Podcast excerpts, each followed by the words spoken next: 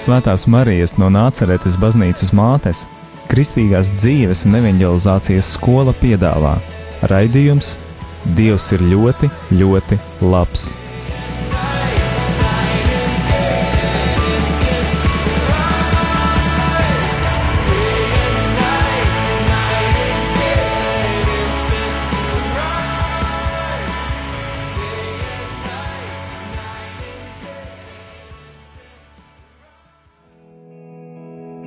Kādas izjūtas tevi pārņem, domājot par Dieva attieksmi pret tevi?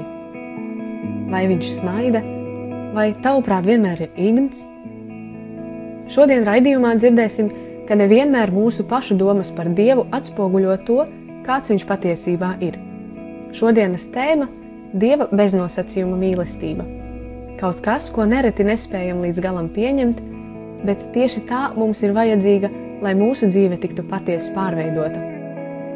Jūsu uzmanībai ieraksts no Marijas Kristīgās dzīves un evanģelizācijas skolas filiāles jauniešiem Oāze vasaras pasākuma 2019. gada augustā. Konferenci Dieva beznosacījuma mīlestība vada Māris Vēliks. Patīkamu klausīšanos! Kristīgās dzīves un evanģelizācijas skola piedāvā raidījums Dievs ir ļoti, ļoti labs.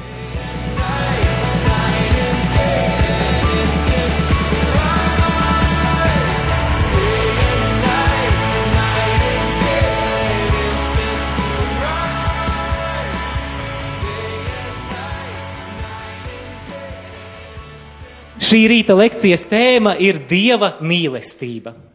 Dieva mīlestība. Mēs parunāsim par kādu svarīgu jautājumu, par kuru apzināti vai mazāk apzināti noteikti tu esi kaut kad savā dzīvē domājis.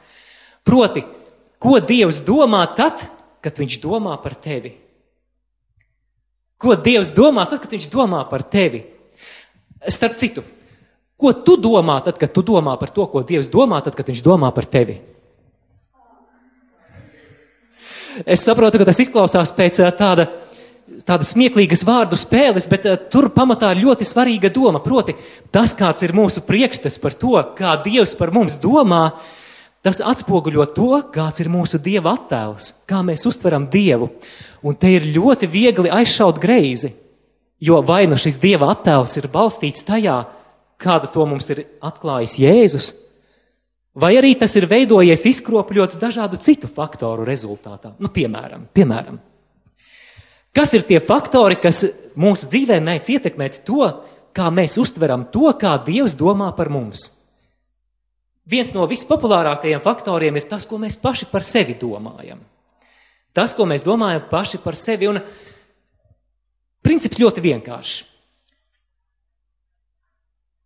Ja tu sev patīc, tad tev šķiet, ka dievam tu patīc. Es domāju, ka mēs visi savā dzīvē tā esam jutušies. Savukārt, ja tev šķiet, ka tu esi pilnīgs draņķis un tu nepatīc sev, tad ir tā sajūta, ka arī dievam tu nepatīc. Es domāju, ka mēs visi intuitīvi nojaušam, ka šajā uztverē kaut kas nav kārtībā, ka tas nav gluži tā, kā tas darbojas. Un tomēr, cik neparasti, ka mēs emocionāli tieši tā arī reaģējam un rīkojamies. Nu, piemēram, ja tev ir perfekta diena, un visiem gadās tiešām forša diena, tu pamodies agrāk no rīta, tu pirms dienas darbu uzsākšanas paspēji palūkties, palasīt mieram tuvu, tu biji laipns pret saviem vecākiem ceļā uz skolu vai augstskolu, tu palaidi vecmāmiņu savā vietā, sabiedriskajā transportā. Tu guvi labus panākumus mācībās, un tad eh, beigās atgriežoties mājās, tev ir tāda sajūta, ka, ka Dievs tev aplaudē. Tev pašam patīk, kāds tu esi, un ir tā sajūta, ka Dievs smaida par tevi un ka Dievam tu patīc. Vai arī reizēm ir tieši cita galējība, un es domāju, ka mēs ik viens, ik viens esam tā jutušies. Vai jums ir gadījušās pilnīgi draņķīgas dienas? O, jā, tā ir diena, kad ir viss ir slikti. Tā, kad, tā kā mēs teikt, mēs esam izkāpuši ar kreiso kāju no gultas un vienkārši viss ir salaists dēlī. Mēs, mums paslīdēja mēli, mēs uzbraucām virsū saviem vecākiem, mēs salecāmies ar saviem draugiem. Ieskaitēji skolā vai augstskolā mums nācās šmaukties, tāpēc ka visu iepriekšējo vakaru mēs nospēlējām datorspēles un mēs nepaguvām sagatavoties. Un tad dienas beigās ir tā riebīgā sajūta, ka virs mums ir it kā tāds vainas mākonis, vai ne? Vainas mākonis, un mums liekas, ka mēs sev nepatīkam tajā brīdī. Un kaut kur zemapziņā iezogas šī pārliecība, ka arī Dievam mēs nepatīkam. Cik neparasti, cik jocīgi, ka mēs eh, dzīvojam un rīkojamies tā, it kā Dievs savos spriedumos par mums iedvesmotos no mums pašiem, no tā, ko mēs par sevi domājam. Vai citiem vārdiem sakot, mēs domājam, ka Dieva domas par mums atspoguļo mūsu domas pašiem par sevi. Bet ja nu tomēr tā nav, ja nu tomēr tā nav patiesība, ja nu tomēr Dievs savos spriedumos par mums nebalstās uz to, ko mēs par sevi domājam. Vēl viens svarīgs faktors, kura ietekmē veidojas mūsu uztvere par to, kā Dievs par mums domā, ir tas, ko citi par mums domā. Pirms kaut ko darīt, vai jūs esat sev uzdevuši jautājumu, ko citi par mani padomās? Oi, tas ir baisais bubulis. Tas ir baisais bubulis, kurš mūs paralizē, kurš attur mūs no daudzām labām iniciatīvām. Bet vēl viena lieta. Šis arguments, ka ko citi par mani domā, ietekmē arī to, kā mēs reizēm uztveram dieva reakciju uz mums. Mēs kopš bērnības jau esam iemācīti, ka mūsu uzvedībai ir ļoti liela loma, un patiešām mūsu rīcībai ir ļoti liela loma Teju vai visā.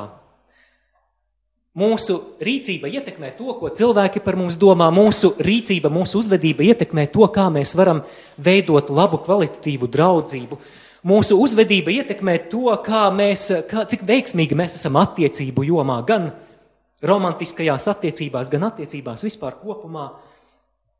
Un tad nu, mēs sākam domāt tā, ka Ja visiem cilvēkiem man apkārt ir svarīgi tas, kā es rīkojos, tātad mana uzvedība, tad arī acīm redzot, Dievs uz mani raugās caur manas uzvedības prizmu. Tā ir kā Dievs, tad, kad viņš sāk domāt par mani, izvēlās kā to filtriņu, to, cik es esmu bijis labs. Tātad pirmā lieta, ko es par sevi domāju. Otrā lieta, ko citi par mani domā, bet vēl ir trešā lieta, kas arī ietekmē mūsu uztveri par to, ko Dievs domā par mums. Tie ir sabiedrībā pieņemtie kultūras priekšstati kopumā. Nu, piemēram, tā sabiedrība ir iekārtota, un tas ir normāli, ka, ja mēs nedarbojamies pietiekami labi, tad arī lietas nenotiek pietiekami labi. Mums ir jāgūst panākumi, sasniegumi gan mācībās, skolā, vidusskolā, vēlāk eh, augstskolā, darba tirgu, attiecībās, reizēm pat vecāku priekšā. Es nezinu, kā tavā ģimenē, varbūt pat eh, starp taviem brāļiem un māsām bija tāda konkurence. Jūs cīnījāties par to, kurš no jums ir krutākais, gudrākais, skaistākais un foršākais, un eh, tad jūs ar saviem panākumiem mēģinājāt nodrošināt savu vietu ģimenē. Un, uh, Tāpēc mums ir tendence domāt, ka arī Dievs mūs vērtē pēc mūsu panākumiem. Un tātad Dievs vai nu mūs redz kā lūzeri, vai Dievs mūs redz kā veiksminieku. Tātad trīs lietas, kas eh, bieži vien neskapēc mēdz ietekmēt to, kā mēs domājam par to, ko Dievs domā, tad, kad Viņš domā par tevi, par mums. Tas, ko mēs paši par sevi domājam, tas, ko, kas tālāk bija. Ko citi par mani domā, un trešais - sabiedrībā pieņemtie kultūras priekšstati. Vai ievērojāt, kas visām šīm trim lietām ir kopīga?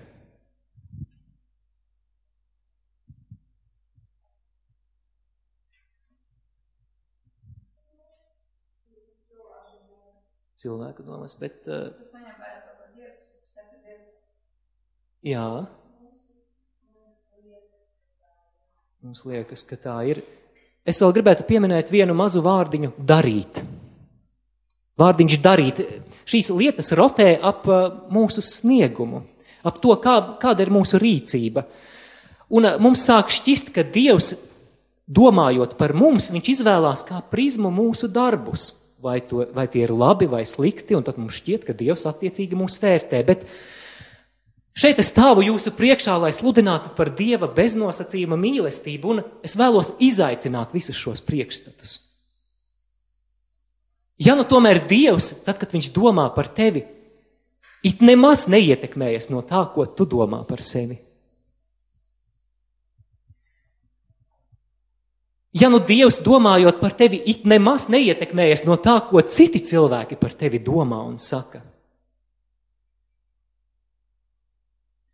Un ja nu tas, kā Dievs par tevi domā, ja Dievs tajā it nemaz neietekmējas arī no kultūras priekšstatiem, kas, ja Dievs um, rīkojas un, un vērtē mūs pavisam citā frekvencē, pēc pavisam citas skalas? Tad nu, es šodien vēlos tev pastāstīt, ko Dievs domā, kad Viņš domā par tevi. Ko Dievs domā, kad Viņš domā par tevi un ko mēs uzzinām no svētajiem rakstiem, ko mēs uzzinām no tās atklāsmes, ko mums ir dāvājis Jēzus par tēva mīlestību. Un lūk, ko viņš domā par tevi.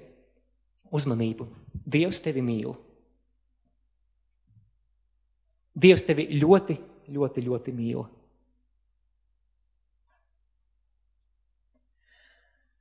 Un ir kāda būtiska dieva mīlestības īpašība, par kuru es vēlos runāt šīs konferences turpinājumā, un šī īpašība ir beznosacījuma mīlestība. Šī mīlestība ir beznosacījuma mīlestība. Vai kādam ir kāda ideja, ko tad nozīmē beznosacījuma mīlestība? Kā jūs saprotat to?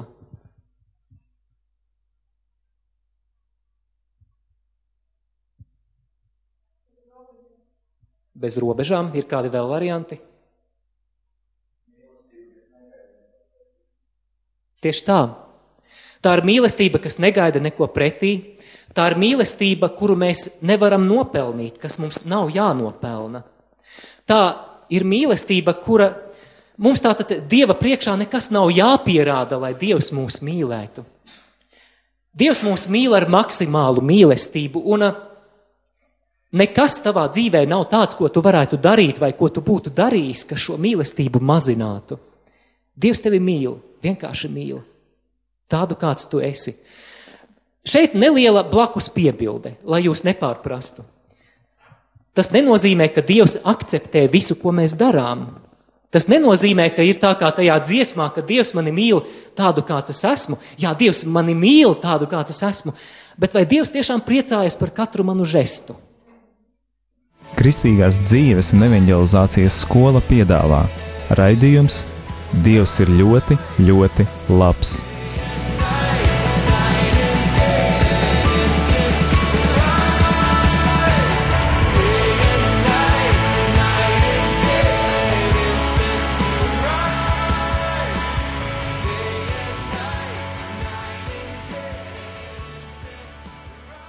Ja mēs runājam par tiem mūsu labajiem žestiem, kas ir tādā mīlestībā, tuvāk mīlestībā vai mīlestībā uz Dievu, tad jā, bet par katru, ja mēs ņemam vispār visu, visu mūsu rīcību, mūsu dzīvē kopumā, tad Dievs nepriecājas par katru mūsu žestu. Tāpēc Bībelē Dievs daudzas lietas, daudzas darbības un izvēles sauc kādā diezgan skarbā vārdā, un šis vārds ir. Šis vārds ir grēks. Paldies! Tas nenozīmē, ka Dievs sāk mūs mīlēt mazāk. Dieva mīlestība ir nemainīga. Jūs turpmākajās lekcijās dzirdēsiet arī par to, ka jā, Dieva mīlestība vienmēr mūs gaida. Ka grēks ir tas brīdis, kad mēs paši pagriežam muguru šai Dieva mīlestībai, tad, kad mēs izvēlamies no tās aiziet, bet vai tas mazina Dieva mīlestību? Nē. Dievs savā mīlestībā mūs vienmēr gaida atpakaļ. Viņa sirdī mums ir vienmēr vieta, lai cik mēs zemu būtu krituši. Un pasaulē ir daudzi cilvēki, kuri tic Dievam, bet kuri baidās pie Dieva nākt. Ziniet, kāpēc? Tāpēc, ka viņiem šķiet, ka viņi ir tik ļoti sasmērējušies, ka Dievs viņu priekšā aizcirtīs durvis. Varbūt jūs paši esat satikuši šādus cilvēkus, kuri saka, es neeju uz baznīcu, jo es neesmu pietiekami svēts priekš tā. Bet tas ir atgādns priekšstats. Eh, patiesībā tie ir maldi, jo, jo Dievs ir gatavs mūs samīļot un dāvāt mums savu mīlestību lai arī kurā situācijā mēs atrastos.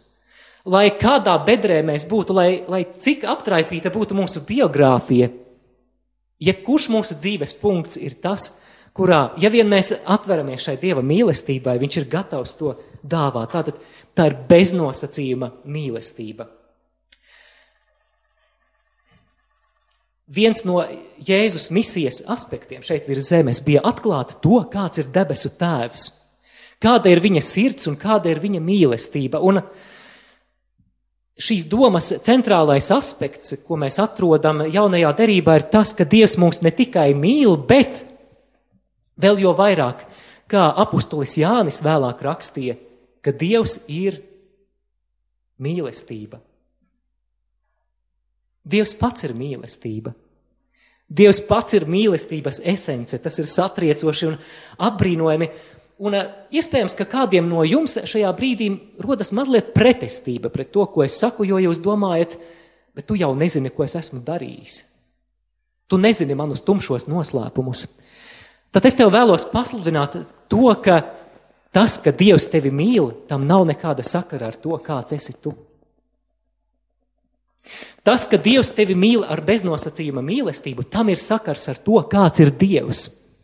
Un svētajos rakstos, 1. Jāņa vēstulē, 4. nodaļā mēs lasām, ka Dievs ir mīlestība.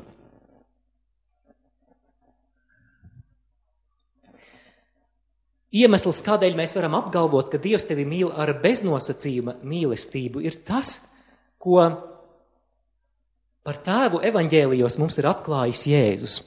Un, ja mēs lasām Mateja, Marka, Lūkas un Jāņa evaņģēliju, tad tur ir viena pārsteidzoša lieta. Ļoti interesanti, ka tie cilvēki, kuri it nemaz nebija tādi kā Jēzus, viņiem Jēzus baigi patika. Interesanti, ka šie cilvēki, kuri it nemaz nebija tādi, kādi, kāds ir Jēzus, Cilvēki, kuriem bija apšaubāma reputācija, tur bija prostitūtas, sievietes, kuras tirgoja savu miesu seksuāliem pakalpojumiem. Tur bija korumpēti muitnieki, kuri izspieda no saviem tautiešiem naudu negodīgā ceļā. Šiem cilvēkiem Jēzus patika, un vēl trakāk, Jēzum viņi patika. Padomājiet, kas ir Jēzus? Jēzus ir Dievs, kurš ir iemiesojies, kurš ir kļuvis kā viens no mums, kurš ir pieņēmis cilvēcisko miesu.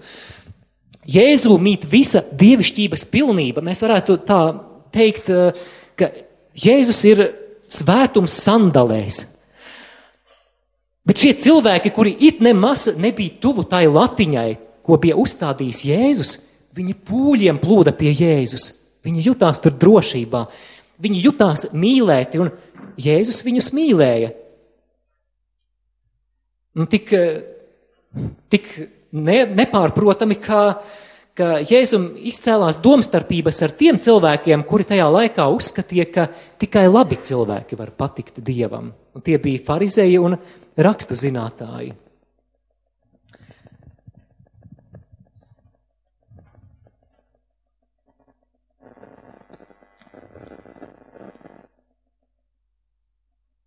Ko tas nozīmē tev? Ja tu dzīvotu, ja tu Es uzrunāju katru no jums personīgi. Ja tu dzīvotu pirmajā gadsimtā ar visiem saviem ieradumiem, ar visiem saviem netikumiem, ar visām savām vājībām, ar kurām tev ir grūti cīnīties, ar visu savu pagātni, ar visām savām dīvainībām un ar visiem saviem putniem, ja tu satiktu Jēzu, tu viņam ļoti patiktu. Tu viņam ļoti patiktu. Un Man ir laba ziņa, ka tu Jēzum patīc arī šobrīd. Jēzus ir tas pats vakar, šodien un mūžīgi.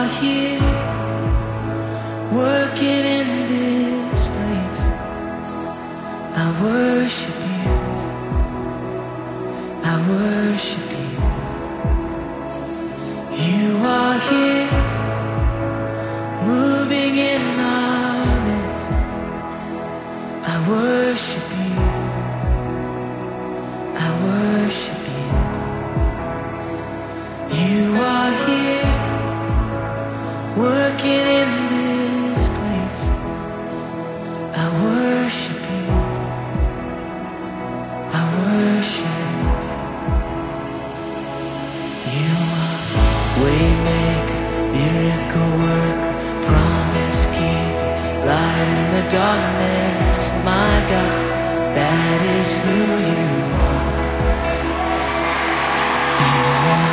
Waymaker, miracle worker, promise keeper, light in the darkness. My God, that is who you are.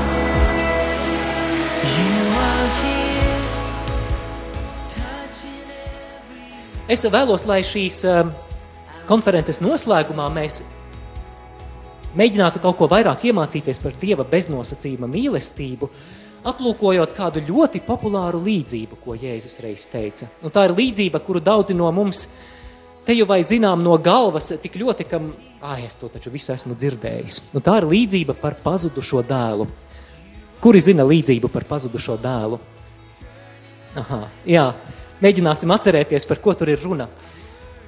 Ja jums ir bībeles, tad varat atšķirt ā, Lūkas evanģēlija 15. nodaļu. Tur mēs lasām līdzību par pazudušo dēlu. Atcerēsimies situāciju. Tēvam ir divi dēli, un jaunākais dēls nāk pie tēva un pieprasa savu mantojumu tēvam vēl dzīvam esot. Jūdu kultūrā jau tas vien bija kliedzoši. Tas ir tā, it kā pamēģināsim iztēloties, ka šis jaunākais dēls atnāk pie tēva un saka tā,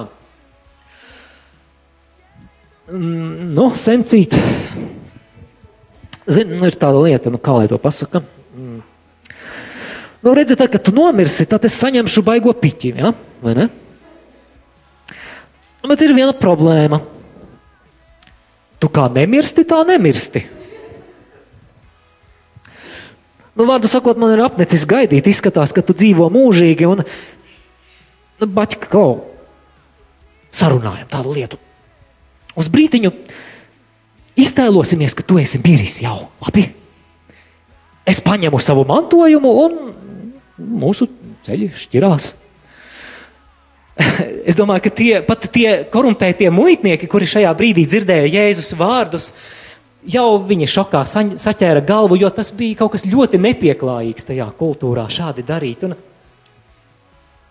abrīnojamā kārtā tēvs piekrīt. Tēvs iedod šim dēlam savu mantojumu, un kādu laiku šis dēls dzīvo patiešām zaļi. Ja šis dēls dzīvotu mūsdienās, tad, tad viņam noteikti būtu vairākas villas, viņš brauktu ar Ferrari un ar, ar krutiem bembiem, un eh, viņš izklaidētos ar meitenēm, viņš lietotu labākos viskijus un tā šņauktu pa vakariem kokaīnu. Līdz tam brīdim, līdz tam brīdim kad viņš grib nopirkt jaunāko bembi, Un, jā, un karti nepie, viņam bankas karti nepieņem, tad viņš ieiet internetbankā, un tur ir apaļas nulītes. Viss ir tukšs, un ā, šis bankrota brīdis, kad viņš saprot, ka nu, viņam nav izējas, ka viņam ir jāsāk strādāt. Tajā zemē, kur viņš bija aizceļojis, viņš sāk strādāt, bet sākas krīze, iestājas bats, uzņēmumi bankrotē, un ā, viņš kļūst par bezdarbnieku. Un vienīgais darbs, kuru viņš šajā situācijā var atrast, ir būt ā, par cūku ganu, par cūku barotāju, kas arī jūdu izpratnē, kuri cūkas uzskatīja par nešķīstiem dzīvniekiem, bija kaut kas daudz zemāks un nožēlojamāks par tolešu, publisko tolešu tīrītājiem.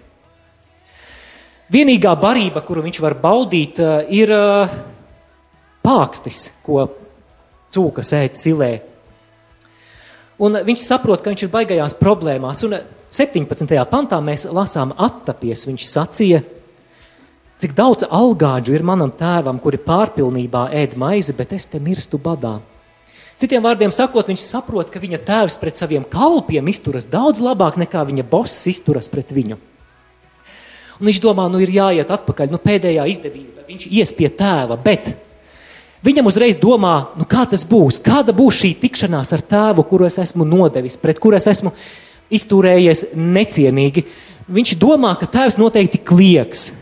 Viņš domā, ka tēvs pieprasīs viņam norēķinu, tēvs viņam uzsūtīs nodo, parādu piedzinējus vai vidu vai kaut ko tādu. Un, un tāpēc viņš saprot, ka viņam jāsagatavo laba runa. Tad, kad viņš dodas pie tēva, pirms, pirms tam viņš uzraksta runu. Tam jābūt kaut kam ļoti pārliecinošam, un šī runa, ko viņš izdomā, pauž to, ka viņš ir gatavs atgriezties pie tēva vairs nevis kā dēls. Viņš pat nerēķinās ar to, ka viņš varēs baudīt šo tēva klātbūtni kā dēls. Viņš dodas pie tēva, meklējot darbu. Pieņem mani par kalpu. Es esmu grēkojis pret debesīm un pret tevi. Es vairs neesmu saukties, neesmu cienīgs saukties par tavu dēlu, bet pieņem mani par vienu no saviem kalpiem. Kurš atcerās stāsta turpinājumu? Kas bija tālāk? Dēls dodas pie tēva, un kas notiek? Tēvs skrēja viņam pretī. Un tur svētajos rakstos ļoti skaisti vārdi ir par tēvu rakstīti. Tur ir teikts, ka tēvs viņu jau iztālēm ieraudzījis, iežēlojās par viņu. Viņš skrēja dēlam pretī, viņš apskāva savu dēlu, skūpstīja viņu. Viņš lika saviem kalpiem atnest labākās drēbes, uzģērbt labākās sandales viņa kājās un uztaisīt visforšāko ballīti. Jo šis dēls, kurš bija pazudis, ir atgriezies mājās dzīves. Tēva sirds mīlestībā, beznosacījuma mīlestībā, gavilē priekā par dēla pārnākšanu. Un atgriezīsimies pie tiem faktoriem, kas veido mūsu priekšstatu par to, ko Dievs domā par mums. Pirmais bija, kurš tas, ko mēs paši par sevi domājam, vai ne? Padomājiet, ja, ja šis tēvs būtu domājis par savu dēlu, vadoties no tā, ko šis dēls pats par sevi domā. Es domāju, ka šajā dzīves zemākajā punktā šis dēls nebija augstās domās par sevi. Iespējams, ka viņam bija kauns, viņš sevi nosodīja, To izpauž viņa vārdi, ka es vairs neesmu cienīgs saukties par tavu dēlu. Un tomēr tēvs tā nedara. Iedomāsimies, ka varbūt šis tēvs varēja vērtēt savu dēlu pēc tā, kā citi viņu redz. Un citi noteikti viņu apsmēja. Es domāju, ka draugi viņi, viņu bija atstājuši. Es domāju, ka daudzi klusībā smīkņāja un aprunāja viņu, teikdami, ka, nu, lūk, ļoti daudz sološi bija, un tagad tu paskat, kā viņš krita, paskat, kā bankrotēja, uh, braukāja ar kādiem bembiem. Tagad uh, vispār apavi noplīsuši, bombzis, fuj! Un tomēr tēvs tā nedara. Tēvs uzlūko dēlu un domā par viņu pavisam citā frekvencē, pavisam pēc citas skalas. Un tā ir šī beznosacījuma mīlestība. Viņš satiek savu dēlu tajā viņa dzīves viszemākajā punktā un ir gatavs pieņemt. Lūk, apbrīnojamā, apbrīnojamā dieva mīlestība. Before I spoke a word, you were singing over me. And you have been so, so good to me. Before I took a breath, you breathed your life in me. And you have been so, so kind to me.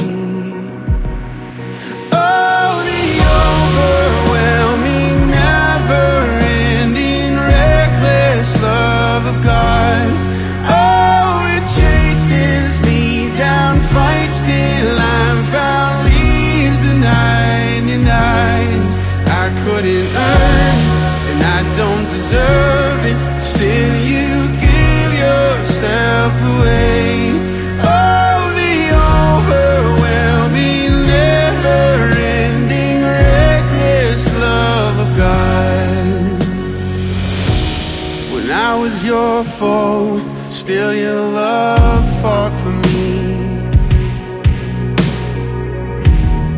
You have been so, so good to me. When I felt no worth, you paid it all for me. You have been so, so kind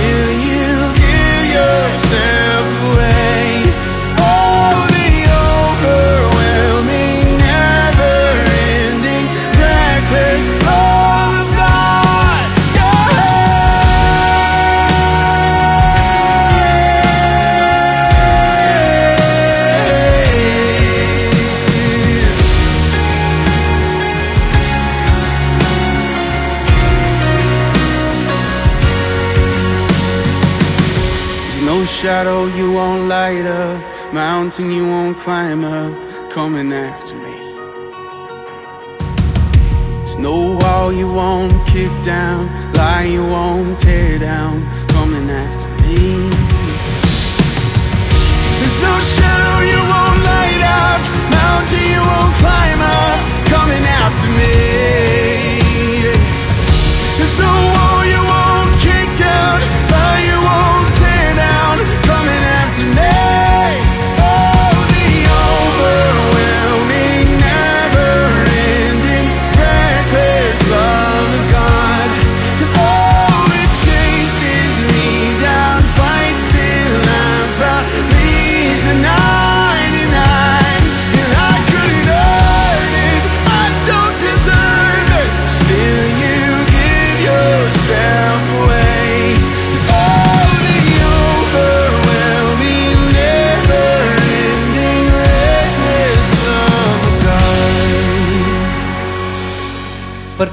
Beznosacījuma mīlestību mēs lasām daudzās citās raksturvietās, svētajos rakstos.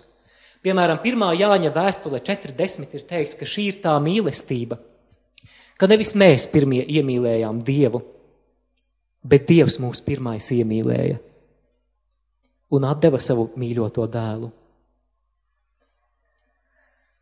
Man ļoti patīk 139. psalms, kas ir tāds dieva skatījums uz mums kā cilvēku, un tur ir teikts, ka Dievs tēvs tevi uzlūkoja jau kā bezmiesas iedīglīti tavas māmiņas vēderā, ka visas tavas dienas bija saskaitītas un ierakstītas viņa grāmatā, pirms tās vēl bija sākušās. Mēs varētu meditēt par Dievu, kura grāmatā ir ierakstīta skaistā 2019. gada 19. augusta, 19. augusta diena oāzē. Un viņš priecājās par to, ka tu esi šeit. Jēzus arī vēlāk saka, ka visi mati uz mūsu galvas ir saskaitīti, kas nozīmē to, ka Dievs savā beznosacījuma mīlestībā ir ieinteresēts visīkākajās mūsu dzīves detaļās. Ka Dievam nav vienaldzīgs tas, kāda ir tava mīļākā dziesma, kāds ir tavs mīļākais seriāls. Viņam patīk to skatīties kopā ar tevi. Dievam patīk tava acu krāsa, Dievam patīk tava matu krāsa. Dievs tevi ļoti, ļoti mīl. Vēl viena brīnišķīga raksturvieta par Dieva beznosacījuma mīlestību, par mīlestību, kuru mēs neesam pelnījuši, ir atrodama romiešiem 5. nodaļā, kur ir teikts, ka Kristus par mums mira, kad mēs vēl bijām grēcinieki, proti, tad, kad mēs vēl nebijām cienīgi. Tāpēc mēs arī dziesmā pasaules gaišums dziedam tos vārdus, man neizprast, cik maksāja manu grēku pie krusta ieraudzīt. Jēzus pie krusta karājās, zinot visus tavus grēkus, un viņš tik un tā izvēlējās par tevi nomirt. Pirmā Jāņa vēstule 3.1 ir brīnišķīgi vārdi, ka kādu mīlestību Tēvs mums ir dāvājis, ka mēs tiekam saukti par Dieva bērniem, un mēs tādi esam.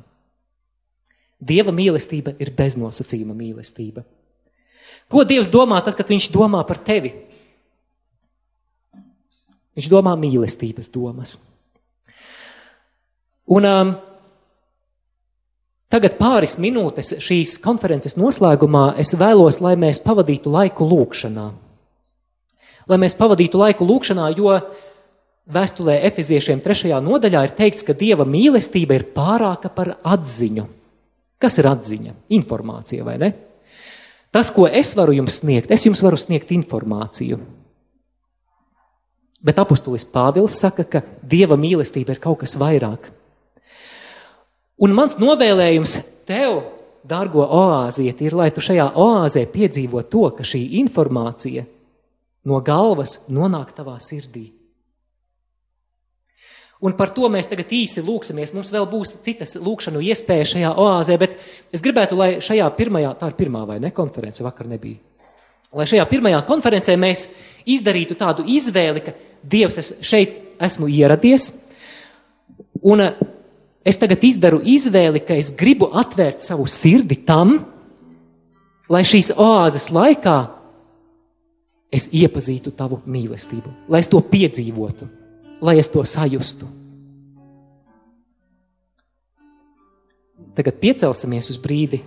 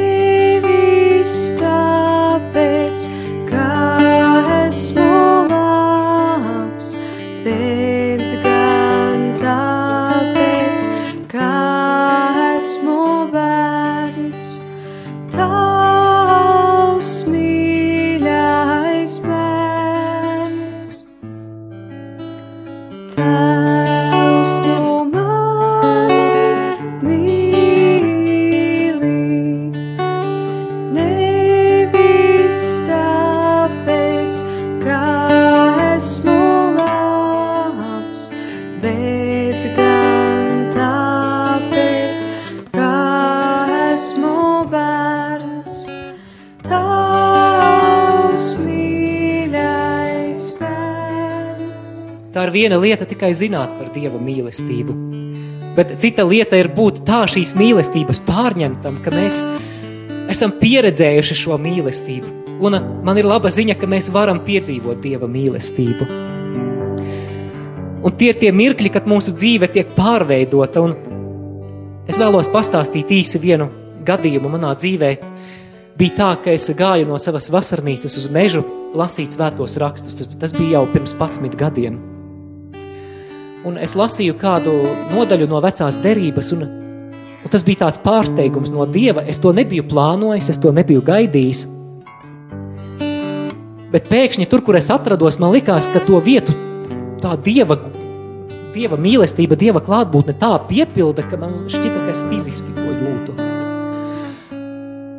Un, un man sāka ritēt asaras. Jo tajā brīdī es nešaubīgi, nešaubīgi, nešaubīgi, nešaubīgi sapratu, ka, ka es esmu tik ļoti dieva mīlēts, un ka es esmu totāli necienīgs.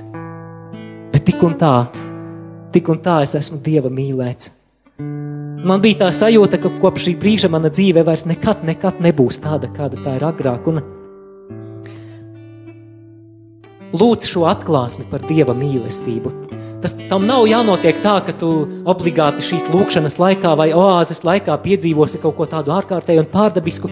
Varbūt, ka Dievam ir cits veids, kā tu piedzīvosi Dieva mīlestību, bet, bet es vēlos, lai tu nogaršo to. Lai tu nogaršo šo mīlestību, par kuru vecajā derībā ir teikts, ka Dieva mīlestība ir labāka par vīnu. Un, um, tad, kad tu piedzīvo šo Dieva mīlestību, tad, tad Dievs tevi pārveido, tad, tad tev ir vieglāk cīnīties pret grēku. Tad, kad tu piedzīvo šo Dieva mīlestību, tad, tad tu vairs neuztraucies par to, ko cilvēki par tevi padomās. Jūs gribētu tādu atbrīvojošu brīvību, ka jums ir vienalga, ko cilvēki padomās, tāpēc ka es staigāju Dieva priekšā, kurš mani mīl. Apostolis Pāvils vēstulē Efeziešiem arī raksta par to, ka mēs esam aicināti iesakņoties Dieva mīlestībā. Un, ja jūs esat redzējuši kokus vētrā, kur ir dziļi, dziļi laiduši saknes zemē, koki šūpojas, bet netiek nogāsti. Un jo mēs vairāk esam iesakņojušies šajā mīlestības pieredzē, jo stiprāki mēs esam visās mūsu dzīves vētrās un triecienos. Tāpēc um, tagad um, vienkārši savā sirdī var atkārtot lūkšanu, ar kuru es vērsīšos pie Dieva, un arī es vēlos lūgt to pašu. Debesu Tēvs, paldies, ka Tu mani ļoti mīli. Es zinu, ka es šo mīlestību pazīstu ļoti maz. Bet šīs oāzes sākumā es vēlos atvērt Tev sirdi, un es pieņemu lēmumu, ka es gribu iepazīt šo mīlestību. Piepildi mani ar savu mīlestību šajā oāzē, samīļo mani.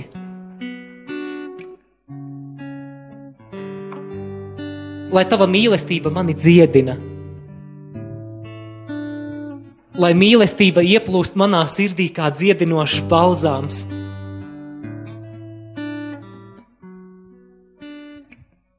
Lai šī mīlestība dziedina mani no visām skumjām, atstumtības, vientulības, kuru esmu jutis savā dzīvē.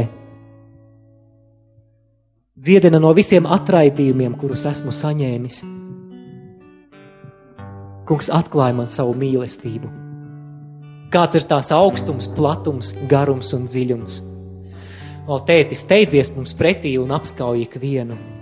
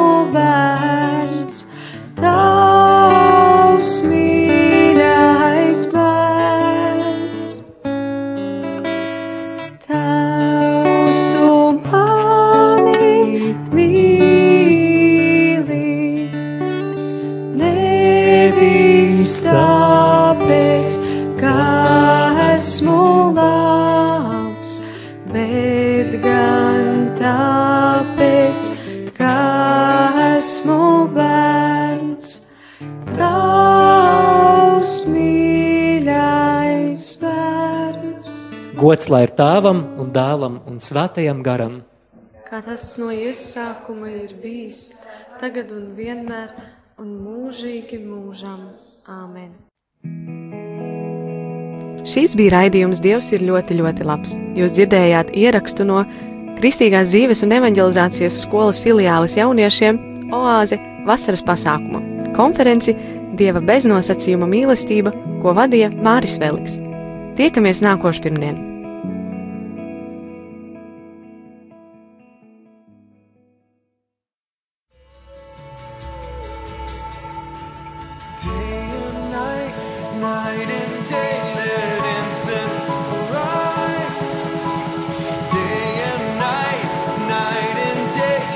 Svētās Marijas no Nāceretes baznīcas mātes, Kristīgās dzīves un evanģelizācijas skola piedāvā raidījums Dievs ir ļoti, ļoti labs.